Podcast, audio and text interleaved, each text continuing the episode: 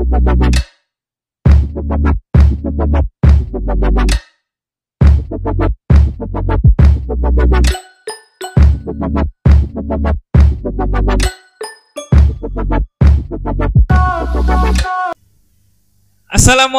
warahmatullahi taala wabarakatuh. Waalaikumsalam. Selamat malam, Katsuholik semua. Malam hari ini, Jumat 30 Oktober, berjumpa lagi dengan saya, Satria Andika, di podcast Pahlawan Kesiangan di Cafe Dekasu Ciamplas, Kabupaten Bandung Barat. Dan malam hari ini, bertepatan dengan um, malam setelah kemarin kita merayakan peringatan Hari Besar Islam, yakni Maulid Nabi Muhammad Sallallahu Alaihi Wasallam pada tahun 1442 Hijriah ini. Dan juga kemarin belum lama kita pada tanggal 28 Oktober memperingati Hari Sumpah Pemuda.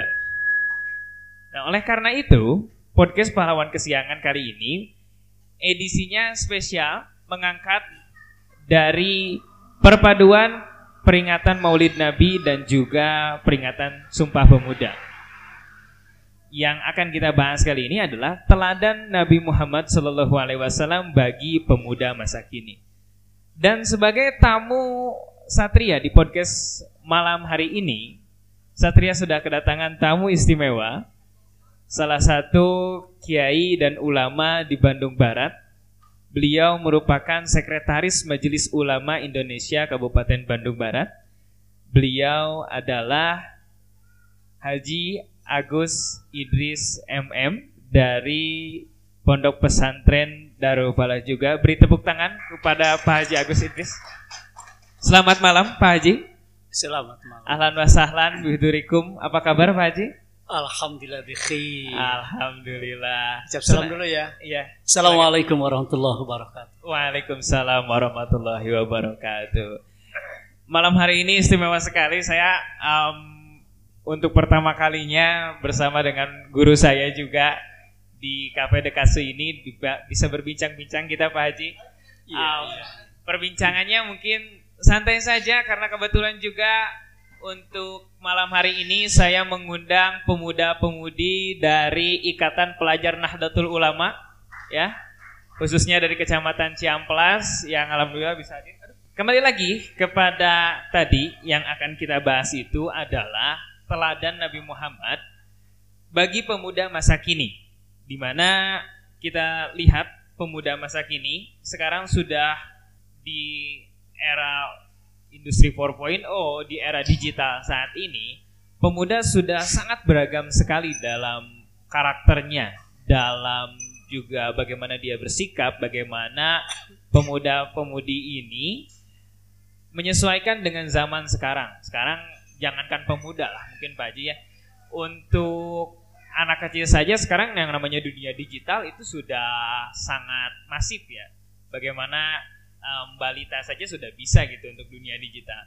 Dan di era sekarang ini, saya rasa teladan Nabi Muhammad SAW itu masih bisa tetap diterapkan di era digital seperti ini, di era industri 4.0 dan lain sebagainya.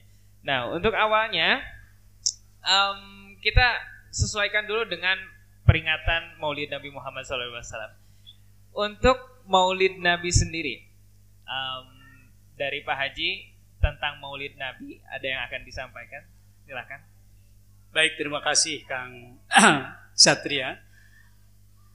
Yang pertama sebuah kehormatan walaupun saya bukan ahli tentang berbicara tentang ini, tetapi ini untuk yang anak-anak muda tentunya kita Betul. harus uh, mengangkat citra anak-anak muda kita untuk bercermin dan untuk mengikuti pada idola yang sebenarnya.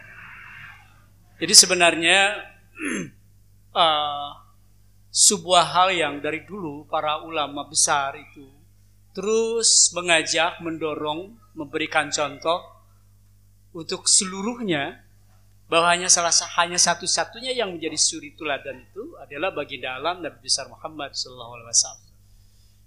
Minimal diperingati hanya satu tahun sekali. Tetapi intinya kan setiap saat, setiap waktu kita akan terus mengenang beliau, mengikuti jejak langkahnya, Ya. dan diterapkan menjadi sebuah karakter building dalam kehidupan. Oke. Apalagi untuk pada anak-anak muda. Banyaklah membaca sirah perjalanan Rasul Sallallahu Alaihi Wasallam. Jadi dari kisah perjalanan Nabi dari mulai lahirnya eh, baginda Nabi itu adalah sebuah pelajaran juga bagi kita ya Pak Haji. Oh iya, Dari setiap siroh tadi yang dikatakan oleh Pak Haji. Jadi untuk Maulid Nabi sendiri bahkan kita bisa peringati itu bahkan bukan hanya pada hari hanya seperti kemarin Pak Haji ya tanggal Iya. 12 Rabiul Awal gitu. Tapi juga dalam setiap hari ketika kita membaca salawat kepada Nabi Muhammad, kita membaca sirah perjalanan Nabi Muhammad dan kita meneladani itu. Oke, untuk em, Nabi Muhammad Shallallahu Alaihi Wasallam ketika kita membahas mengenai tadi kepribadian, eh, disebutkan dalam keterangan bahwa Nabi Muhammad itu memiliki yang dis- eh, yang disebut dengan akhlakul karimah, Pak Haji betul ya? Nah, Iya, akhlakul iya. karimah itu seperti apa sebenarnya, Pak Haji? Baik. Dari sekian makna, sekian hal yang mesti menjadi nilai ya value bagi kita semua, ada empat hal loh. Ya, ada empat hal uh, pilar utama Pilar. yang menjadi nilai karakter. Oke. Yang pertama, kita mengenal sejak kecil ditanamkan sama orang tua kita. Nah, jangan lupa jadilah anak yang sidik, Sidik. anak Oke. yang jujur, anak yang benar. Sidik itu tadi artinya jujur ya. Iya, jujur, benar. Ini adalah tatanan tertinggi. Ya kan? Ini adalah tingkatan tertinggi dalam akhlak. Yang kedua, tentunya adalah amanah. Hmm, Artinya dapat dipercaya. Iya. Yang ketiga, itu kita harus uh, patonah, Fatona. cerdas dalam pola pikir. Dan yang keempat adalah bagaimana menyampaikan tablik tentang kebenaran. Jadi kalau kita gali empat karakter utama ini sangat luar biasa. Hmm. Di kondisi apa pun, di situasi apa pun, memiliki empat karakter ini tentunya akan menjadi bekal kehidupan. Sidik, benar, jujur. Bayangkan baginda Rasul pada saat sedang muda, beliau juga menjadi pedagang, ya kan? Ya. Ini kan modal yang utama adalah tentang kejujuran. Jujur, kemudian beliau amanah dapat dipercaya. Jadi investasi untuk pedagang apa pun itu sangat sangat kuat Itu karena kuncinya. iya ada jujur dan dipercaya. Hmm. Ini di dunia bisnis apa pun. Ya di dalam dunia apa pun karakter ini itu menjadi andalan. Baik itu jadi pekerja atau mungkin pemilik usaha. Jadi apa saja Iya. yang terbaik itu adalah miliki tentang kejujuran dulu, sidik, kemudian amanah, Hmm. mampu apa dapat diper, Dapat dipercaya. dapat dipercaya. Ujungnya dari dapat dipercaya tadi kita bisa ah, tentunya dari kejujuran, kemudian dapat dipercaya dan itu memerlukan pola pikir. Nah, pola pikir yang cerdas. Hmm. Iya. Tetapi kalaupun kita tidak bisa cerdas, ya kejujuran harus dimiliki. Oke. Nah, amanah bisa Ya. ah, dipercaya walaupun kita merasa diri belum Ya. cerdas. Eh, kecerdasannya bisa beda-beda. Mau ya, bisa gitu. beraneka ragam. Allah berikan beraneka ragam. Iya. Nah, untuk tadi yang terakhir adalah patona, Pak Ji ya. Tadi Yang ketiga, kecerdasan ketiga. itu. Cerdas. Eh, lalu juga tadi tablik. Ya, Harus mampu menyampaikan kebenaran. menyampaikan. Itu menyampaikan kebenaran itu bisa bukan hanya tablik itu berarti harus jadi pendakwah semua kan Pak Ji ya. Berdakwah itu multi. Oh gitu. Iya, ada orang mengajak itu dengan jadi mubalik, disebutnya mubalik. Hmm. Bisa di pengajian, di apa pun. Oke. Atau menjadi seorang pekerja, dia akan menyampaikan dengan cara bekerjanya. Hmm. Ya kan, dengan disiplin, dengan baik, dengan benar, sesuai dengan aturan, dia sudah sudah dilalatul hal, sudah men- menunjukkan dengan perilaku. Iya, mengajak kepada kebaikan itu aja kebaikan bentuknya juga. bisa seperti bentuknya itu. bisa multi bisa diterjemahkan Iya. untuk kalangan anak-anak muda seperti apa Ya, Oke. Itu tadi akhlakul karimah dari Nabi Muhammad ya. Ya, Nabi itu uh, empat pilar utama. Yang lainnya sangat banyak. Banyak. Ya, kalau kita gali nggak cukup dengan kita ngobrol seperti ini. Ya, gitu. Jadi tadi pilarnya ada empat ya. Nah, teman-teman dari satu sidik, tablik, fatonah dan uh, amanah tadi ya. Ya. Untuk pilar akhlakul karimah dan sebegitu banyaknya akhlak Nabi itu yang tidak bisa kita jelaskan satu persatu mungkin Pak Jadi Iya. bisa disebutkan satu. Nah, untuk peran pemudanya Pak Haji, ketika sudah ada empat pilar ini, kira-kira untuk penerapannya, tadi kan sudah mungkin sedikit eh, saat kita bekerja gitu kan kita mengamalkan kejujuran. Dan peran pemudanya ya, misalnya kalau misalnya gini Pak Haji, ketika pemuda sekarang nih misalnya hobinya kan nongkrong, katakan misalnya di tempat seperti ini atau mungkin ya, di tempat biasa. Nah, kalau misalnya pemuda ini em, mungkin bukan dasarnya eh, katakan santri gitu kan, bukan dasarnya orang yang belajar agama benar gitu. Di tempat atau di pondok pesantren gitu ya. Nah, kalau pemuda-pemuda seperti ini apakah bisa masih bisa nih menerapkan peran-peran untuk akhlakul nabi gitu? Ada mungkin yang nggak pede, ah saya mah bukan santri mungkin misalnya gitu. Nah, kalau seperti itu gimana Ji tanggapannya? Jadi Iya. apakah harus yang santri saja gitu yang mengamalkan itu gitu? Iya kan ini untuk rahmatan lil alamin, untuk semua. Hmm. Nah, kata kuncinya agar kita bisa menggali, kita kan tidak akan tahu bagaimana sunnah Rasulullah, bagaimana ahlak karimah Rasulullah, kalau kita nggak menggali Oh, atau kita nggak mencari. Iya iya. iya. Jadi makanya ada namanya tolabul ilmi, Oke. menuntut ilmu, ya kan? Jadi kata kuncinya ya dengan ilmu. Ah, iya. Nah, bagaimana caranya ya bertanyalah, mencarilah pada ahlinya. Nah, di situ biar uh, benar-benar kita memahami yang sebenarnya. Jadi kunci kuncinya adalah talabul ilmi, apalagi untuk anak-anak muda. Iya. Jangan pernah berhenti menuntut ilmu karena long life education. Dia menuntut ilmu kan sepanjang hayat. Betul. Ya, menuntut ilmu sepanjang hayat. Jadi kata kuncinya ya dengan menuntut ilmu dulu. Jadi walaupun kita tidak ada di dunia pesantren atau misalnya di dunia pendidikan agama yang ketat, tapi tetap yang namanya mencari ilmu itu tetap kewajiban. Iya kan, mesti semua. Semua. Jadi bersyukurlah ada anak-anak muda sekarang kita bersyukur kita dorong ada anak-anak muda fokus dia mencari ilmu di pondok-pondok pesantren, di lembaga-lembaga pendidikan. Tapi tidak semua orang punya kesempatan yang sama. Oke. Duh, saya nggak, Iya, saya ingin sih ke sana dan sebagainya. Ah. Jangan putus harapan, banyak peluang. Oh iya. Kalau iya, pagi-pagi kerja, siang hari masih ada kesempatan. Di Iya. sekitar ada Pak Kiai, para ustadz. iya. Jadi jangan berkecil hati. Jangan berkecil ya, hati, gitu. teruslah. Ya syukur-syukur bisa. Mm-mm. Kayak tadi, ya kan masih masih apa? Masih muda. Tapi kalau karena berbagai hal, ya jangan ada alasan saya tidak bisa mengikuti. Oh, Padahal Allah berikan kesempatan. sebenarnya kesempatan itu ada. Oh, sangat ya, luas. Gitu, benar. Apalagi Ada ada dua loh, ada dua Gimana? orang yang uh, lupa tentang dua hal. Oke, Kebanyakan orang kasiru minan nas. Hmm. Kebanyakan orang lupa. Ya, apa yang yang kebanyakan orang lupa? Yang pertama asihah, kesehatan. Asiha kesehatan. Orang merasa butuh sehat itu ketika dia sakit. Ah, iya. Baru gitu. kerasa ah, ya. gitu ya. kalau sakit, aduh saya. Ah, Ah, gitu kan? Iya. Asihah, kesehatan. Nikmatnya sehat sangat luar biasa. Ya kan? Nggak bisa dibandingkan dengan apa pun. Banyak Mahal uang, itu ya. makanan di sini bisa enak-enak. Belum tentu orang sakit bisa menikmati. Betul betul.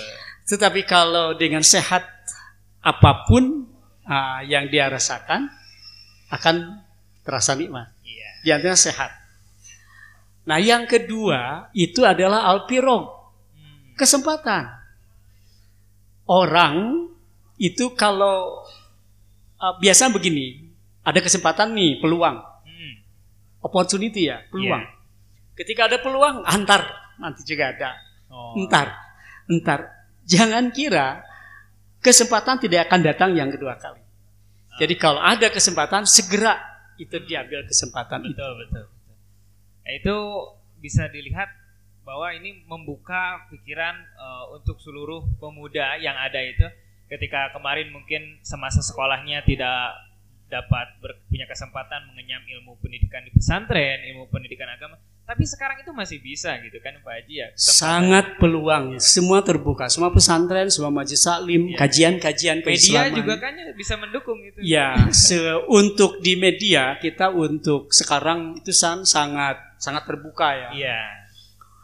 Nah, tetapi kalau saran saya supaya kita tidak salah memahami tentang agama, sebaiknya itu ditanya langsung kepada ahlinya. Nah, Nah, nanti untuk guru ya. ya kita memiliki pembimbing yang jelas.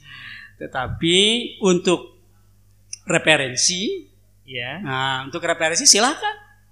Untuk referensi di diambil. Nah, Oke. Jadi kita nggak nggak langsung dimakan mentah-mentah Betul. karena harus ada pembanding, pemfilter. Betul. Tapi yang paling baik itu adalah jelas siapa pembimbingnya Iya. dan jelas keilmuannya. Nah, itu. Karena urusannya kan dengan akhirat. Karena ada tanggung jawab ya untuk Tanggung jawab. tidak semata-mata itu. Oke.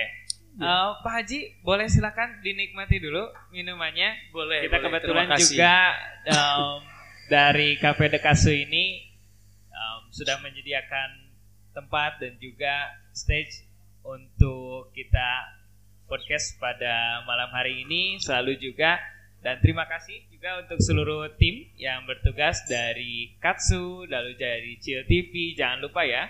Eh, untuk media sosialnya YouTube-nya juga di Chill TV di Cafe de Katsu lalu juga ada Baso Mertua Abui Project eh, Roti Well lalu ada Kroko kopi di sini dan Hertz ada clothing di atas. Itu juga nanti bisa eh, teman-teman kunjungi. Pokoknya untuk semua di tim Dekase ini Insya Allah kita dapat selalu berkolaborasi dan bekerja sama termasuk untuk podcast pahlawan kesiangan kali ini oke dari em, tadi bahwa pemuda itu masih punya banyak kesempatan masih bisa berperan ya untuk meneladani Nabi Muhammad Shallallahu Alaihi Wasallam ini Sama. kalau Pak Haji sendiri melihat sekarang nih pemuda kita khususkan saja yang ada di Bandung Barat nih Pak Haji ya. Uh, dari Pak Haji sendiri memiliki pengalaman di organisasi juga di sekarang juga uh, masih berkecimpung aktif di organisasi. Melihat daripada pemuda yang khususnya dari Bandung Barat ini. Kalau Pak Haji melihat potensinya itu sebenarnya uh, ke arah mana nih kalau misalnya di Bandung Barat ini? Potensi pemuda di Bandung Barat. Iya kan bukan hanya di Bandung Barat saja. Di Indonesia ini adalah sebuah negara yang memiliki tenaga produktif yang sangat besar. Oke. Jadi sedunia ini Indonesia paling besar Hmm, yang memiliki tenaga produktif, yaitu tadi pemuda tadi. Iya. Nah, di sinilah eh, disebutkan bahwa ah, pemuda yang sekarang itu adalah pemimpin masa depan. Oh iya. Nah, oleh karena itu saatnya seluruh pemuda, seluruh kalangan tidak ada alasan. Momen peringatan Maulid Nabi ini jadikan kita banyak membaca sirah Rasulullah, Hmm. perjalanan Rasulullah, banyak mengkaji, banyak bertanya pada ahlinya, biar kita bisa bercermin, kita bisa menjadi contoh bagi kita, karena kita tahu dan kita mampu mengamalkan tadi. Pemuda di Bandung Barat potensinya sangat luar biasa. Oke. Saya selalu menyatakan optimis ini pemuda berbagai komponen sangat kuat, Hmm. sangat besar. Kata kuncinya adalah perkuat keimanannya, perkuat keimanannya, perkuat keislamannya, kemudian tambah wawasannya.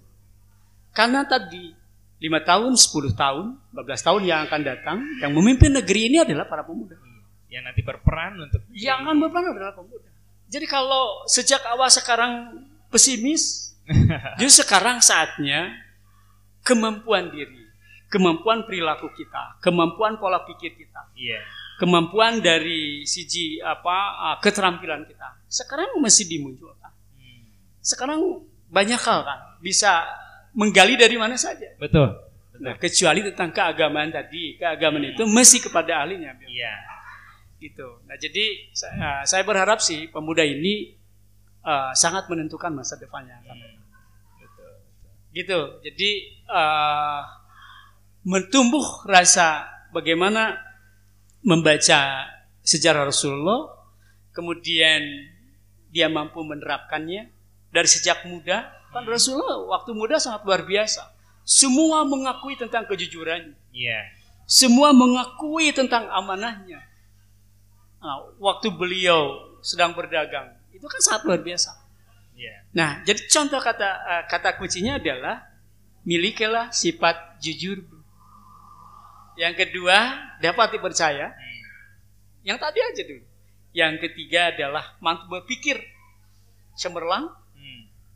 dan apa yang kita miliki, apa yang kita yakini benar, baru kita bisa menyampaikan. Hmm. Sampaikan. Iya. Walaupun baliguani walau ayatan, walaupun sampaikan dariku walaupun satu ayat kan. Iya, iya. Jadi saya berharap para pemuda ya sambil ngobrol-ngobrol itu justru bagaimana menggali gitu. Jadi ngobrolnya harus terarah. Hmm. Ada fokus, ya kan? Hmm. Harus terarah. Apa sih yang kita pikirkan? Jadi nggak yang nggak asal ngopi nongkrong Ah, iya. ngobrol aja gitu ya. Miliki sesuatu yang bermanfaat. iya, iya, iya. Nah, jadi semua hal itu kan bisa jadi nilai ibadah. Betul, betul. Kalau halin, kalau waktin, kalau saatin adalah ibadah. Bisa, tergantung niatnya, Oke. tergantung i- isi apa yang kita bicara. Hmm. Nah, untuk Rasulullah sendiri tadi juga Pak Haji sudah mengatakan lagi bahwa Rasulullah itu ahli berjualan, ahli berdagang juga Wah, ya. Pada masanya ketika mudanya itu bukan em, hanya berkutat Ekonom. Nah, itu. ekonom juga Ekonom kan yang sangat gitu. luar biasa. Bukan berputar pada eh, kegiatan keagamaannya gitu, tapi juga dapat Universal menyeluruh. Oh, mengikuti dari segi tadi eh, usahanya ya pada saat masa saat itu. Oke, dari teladan Nabi sekali lagi banyak sekali yang bisa kita ambil, yang bisa kita dapatkan itu gitu.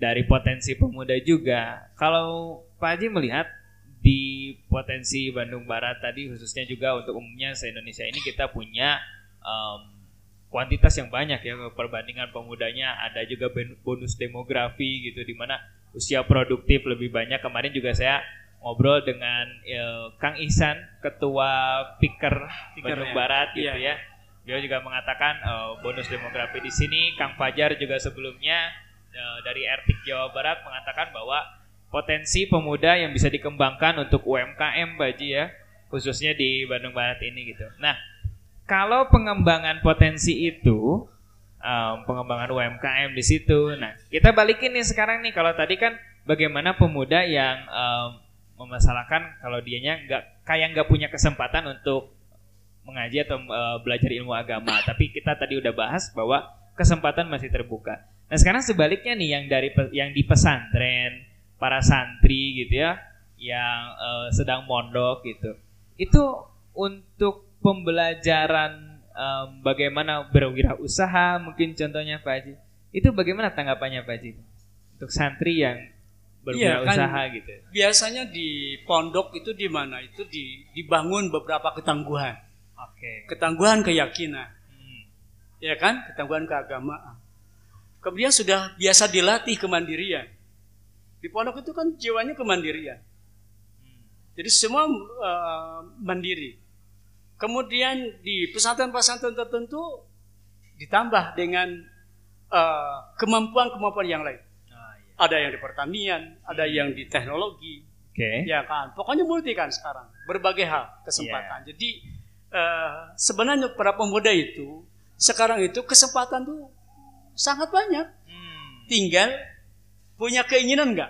Iya. Nah, jadi dah- kata kuncinya adalah eh, keinginan. Iya. Kalau orang punya keinginan kuat, punya sungguh-sungguh, di samping dia berdoa, itu kan para ulama menjelaskan man talaba syai'an jadda wajada. Hmm. Siapa orang yang eh, mencari sesuatu, ya kan? Dengan sungguh-sungguh. Sekali lagi dengan sungguh-sungguh, kalimat sungguh-sungguh bisa fokus, bisa profesional, Iya. wajada. Dia akan mendapatkan. Oke. Dan itu terbukti semuanya. Iya. Termasuk Jadi- untuk santri itu potensinya juga tetap besar ya Pak ya? Uh, santri memiliki multi kemampuan. Ah, Ya, bisa multi talent. multi Nah, talent. karena dari jiwanya dia sudah sudah kuat sebenarnya. Hmm. Nah, kemandirian juga sudah kuat. iya. Jadi kalau nanti ada program-program UMKM dan sebagainya. Selayaknya pemerintah nyalurnya ke mana nih? Ah, bagusnya bisa kerjasama dengan pondok pesantren. Hmm. Sekarang kan begitu, ya kan? Yeah. Kerjasama dengan lembaga-lembaga apa uh, yang kecil-kecil dari rakyat kan? Hmm. Nah, daerah itu kan kuat, sudah terbiasa terbina kuat. Yeah. Nah, insya Allah karena di situ ada sebuah kejujuran, okay. ada sebuah amanah dapat dipercaya, hmm. Dan di situ berpikir keras bagaimana membangun yang lebih baik. Okay. Ya. Um, potensi itu masih tetap bisa kita lihat dari santri itu juga bukan hanya dari segi keagamaan tapi juga potensi-potensi bagaimana kemampuan nanti berwirausaha kemarin juga saya ketahui kan bahwa pemerintah ada seperti program One Pesantren One Product ya, Opop, ya, iya, itu, iya. Opop itu. Kepedulian pemerintah itu, Pak. Hmm, itu kepedulian pemerintah yang melihat bahwa santri itu ya bukan hanya di dunia pesantren ngajinya saja gitu kan, tapi bisa juga pengembangan wirausaha. Dan untuk pemuda juga sudah jelas tadi um, masih bisa punya banyak peluang, punya kesempatan asal punya keinginan. Gitu yeah. ya. Oke, untuk Pak Haji sendiri melihat um, sekarang kalau misalnya tadi pemuda dari segi ekonominya gitu, Nah kalau um, saya ketahui kan Pak Haji itu aktif tadi di organisasi ya, aktif di berbagai kegiatan. Nah kalau pentingnya nih organisasi nih buat pemuda yang Pak Haji lihat seperti apa? Ya sebenarnya semua hal itu harus diminis. Ya dalam apa dalam berbagai hal itu minismen itu sebuah keniscayaan hmm. mesti dilakukan uh, al haqqu bila nizam yaglibul batil binizam. Jadi okay. kalau kebenaran itu tanpa diminis dengan baik, yeah. tanpa diorganisir dengan baik, dia dapat dikalahkan dengan kejelekan hmm. Ya, atau kesalahan yang diorganisir. Okay. Nah, jadi ini sebuah kemistian semua. Apa pun yang kita lakukan harus diminis dengan baik. Yeah. Urusan rumah tangga diminis dengan baik. Hmm. Apalagi urusan bisnis urusan pembelajaran dimanage dengan baik. Pengelolaan apa pun semua dimanage dengan baik. Hmm. Gitu. Nah, di sinilah pentingnya bagaimana kita harus membaca perjalanan Rasulullah dalam ekonomi Rasulullah. Hmm. Sekarang sudah di ekonomi syariah banyak ya. Tinggal di MUI udah apa dari dulu menggaungkan tentang ekonomi syariah. Yeah. sekarang pemerintah kan sudah akan mempersatukan bank yang besar dengan syariah. Kan? Hmm. Nah ini kesempatan jadi para pemuda, ayo kita gali momen Maulid Nabi ini menggali ya, membaca kemudian jadikan pijakan bagi kita ya perjalanan Rasulullah menjadi perjalanan kita. Oke. Gitu. Untuk berbagai hal, berbagai hal Ya. Rasulullah sendiri bukan hanya manajemen uh, pengelolaan kehidupan ya, bahkan strategi perang juga itu kan Rasulullah keseluruhan di minis sangat luar biasa. Nah, itu tadi uh, pemuda ya juga harus bisa ya organisasi bagaimana nanti perannya.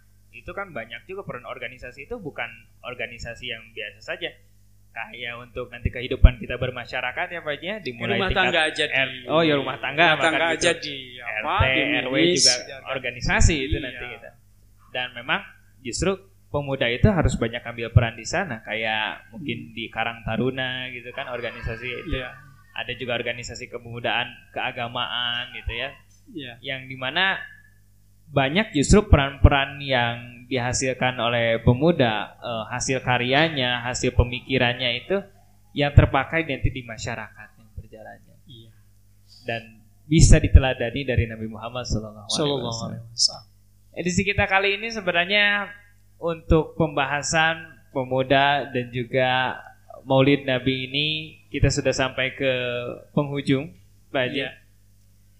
Mana empat pilar tadi saya review lagi empat pilar sidik tablik amanah fatona itu bisa diterapkan oleh para pemuda di bidang usaha lalu juga di bidang mencari ilmu lalu juga tadi kita membahas bagaimana um, berorganisasi gitu ya daripada memberikan peranan aktif pemuda itu oke sebagai penutup apa yang ingin Pak Haji sampaikan iya. yang belum saya tanyakan kira-kira? Baik. Yang jelas di bulan Rabiul Awal ini, bulan Maulid ini, pertama mari kita selalu bersalawat Nabi. Ya. Yang kedua mengkaji terus perjalanan beliau karena beliaulah menjadi idola kita yang sebenarnya. Satu saat berkumpul para sahabat. Ada Abu Bakar, Umar, Utsman dan Ali. Kemudian baginda Rasul bertanya kepada sahabat, "Aku sedang merindukan orang-orang yang mulia." Nah, para sahabat bertanya, "Ya Rasulullah, apakah para malaikat?" Hmm. Oh tentu kalau para malaikat itu adalah makhluk Allah yang mulia. Iya. Bukan bukan yang itu. Para sahabat bertanya, kalau begitu para nabi ya Rasulullah. Rasul dengan tersenyum menatap para sahabatnya. Para nabi tentu itu adalah karena kekasih Allah. Kalau begitu siapa? Para sahabat ada yang menjawab lagi. Kalau begitu ya Rasulullah, kami para sahabat. Rasulullah dengan tersenyum juga memandang. Tentu para sahabatku. Bagaimana tidak? Kalian adalah sahabat-sahabat seperjuanganku. Tetapi bukan itu. Sampai semua termenung, memikirkan siapa. Karena Rasulullah sangat merindukan hamba-hambanya yang mulia. Dari ketermenungan tadi, maka Rasulullah Shallallahu Alaihi Wasallam beliau bersabda, orang-orang yang aku rindukan. Nanti adalah orang-orang yang tidak pernah bertemu dengan aku. Dan mereka beriman. Dan mereka merindukan tentang aku. Dan aku pun merindukan pada mereka. Nah siapa mereka? Mereka adalah umatku yang tidak pernah bertemu dengan aku tetapi mereka merindukan aku. Sehingga saatnya kita saya pemuda mau siapa yang menjadi idola kita? Iya. Kenapa menjadi idola kita adalah orang-orang yang tidak pernah mendoakan kita. Orang-orang yang tidak pernah akan menolong kita. Padahal baginda Rasul SAW beliau sangat merindukan orang-orang yang beriman kepada Allah dan merindukan beliau walaupun tidak pernah bertemu. Allahumma salli ala sayyidina Muhammad. Allahumma salli wa sallim wa barik alaihi. Kita semua ya yang dirindukan Kita semua ini sangat luar biasa, maka jadikanlah figur kita, jadikanlah menjadi panutan kita Hmm. adalah bagi dalam Nabi besar Muhammad Sallallahu. Alaihi Wasallam. Sudah jelas tadi pemaparan dari Bapak Haji Agus Idris mengenai Rasulullah sebagai teladan kita bagi para pemuda. Insya Allah dengan meneladani Rasulullah kita bisa menjadi pemuda-pemuda yang hebat, pemuda-pemuda yang akan menjadi pemimpin yang hebat nanti di masa depan, melanjutkan kepemimpinan, melanjutkan mengurusi daerah kita, negara kita tercinta ini. Yang penting untuk pemuda milikilah himmatun aliyatun. Himatun aliyatun apa itu? Cita-cita yang luhur. Oke, Semua kita harus memiliki cita-cita. iya. Semua kita harus memiliki cita-cita. If you can dream it, you can do it. If you can dream it. Jadi jika Anda memiliki impian, maka yakinlah kamu bisa menggapai impian itu. Amin ya Allah. ya Iya. Terima kasih Pak Haji atas waktunya malam hari ini luar biasa sekali. Sekali lagi saya eh, berikan ucapan yang luar biasa. Terima kasih kepada Pak Haji eh, atas kesempatan kali ini. Mudah-mudahan Pak Haji selalu sehat Amin. dalam berdakwah Amin. di Kabupaten Amin. Bandung Barat ini. Amin. Lalu juga em, sebagai pengajar ilmu, saya juga termasuk murid daripada Pak Haji. Iya. Saya berterima kasih untuk kehadirannya. Mudah-mudahan kita semua juga mendapatkan hal yang bermanfaat pada Amin. podcast kali ini Amin. di podcast Pahlawan Kesiangan edisi Maulid Nabi Muhammad Sallallahu Alaihi Wasallam Sallallahu alaihi wasallam. 1442 Hijriah Bersama saya Satria Andika dan Bapak Haji Agus Idris, kami pamit undur diri. Wassalamualaikum warahmatullahi wabarakatuh. Waalaikumsalam.